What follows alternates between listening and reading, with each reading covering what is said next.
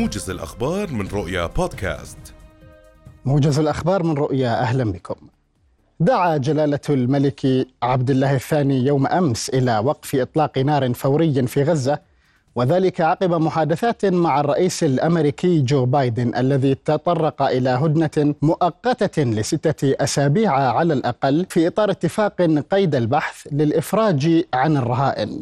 شدد جلالة الملك على ضرورة وقف إطلاق نار مستدام وفوري في غزة مؤكدا أن العالم لا يمكنه تحمل عواقب هجوم إسرائيل على رفح التي تضم أكثر من مليون نازح في ظروف إنسانية لا تطاق أصلا.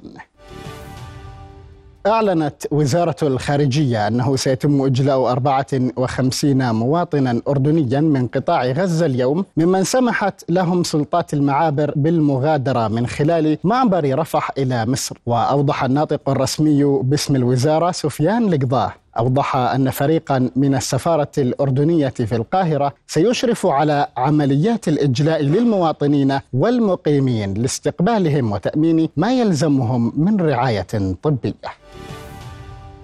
اعتبرت منظمة هيومن رايتس ووتش الحقوقية أن دفع إسرائيل نحو مليون وسبعمائة نازح فلسطيني بمدينة رفح جنوبي قطاع غزة على الإخلاء مجددا غير قانوني وستكون له عواقب كارثية. وطالبت المنظمة الحقوقية في منشور لها على حسابها على منصة إكس طالبت المجتمع الدولي باتخاذ الإجراءات اللازمة لمنع المزيد من الفظائع بحق النازحين الفلسطينيين خصوصا في ظل عدم وجود أماكن آمنة يمكنهم الذهاب إليها في غزة.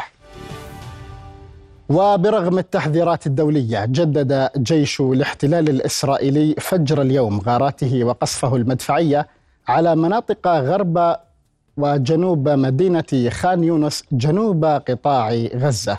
وأفادت وزارة الصحة بغزة بارتكاب جيش الاحتلال أكثر من تسعة عشرة مجزرة ضد عائلات القطاع وتجاوزت ضحاياها 164 شهيد و200 مصاب آخر 24 ساعة. لتقفز حصيلة العدوان عن 28340 ونحو 68 ألف مصاب. اعتقلت قوات الاحتلال الإسرائيلي صباح اليوم 18 مواطنا خلال اقتحام مناطق متفرقة في محافظات الضفة الغربية ومدينة القدس المحتلتين. وحاصر جيش الاحتلال منازل المعتقلين في جنين ورام الله وبيت لحم وقلقيلية والقدس قبل أن يداهمها ويعبث بمحتوياتها. كما استشهد شاب فلسطيني في قلقيلية في وقت مبكر اليوم برصاص الاحتلال عقب مواجهات مع مقاومين في المدينة. نهاية هذا الموجز، هذه تحياتي أنا راشد ربابعه وفريق العمل، دمتم في أمان الله.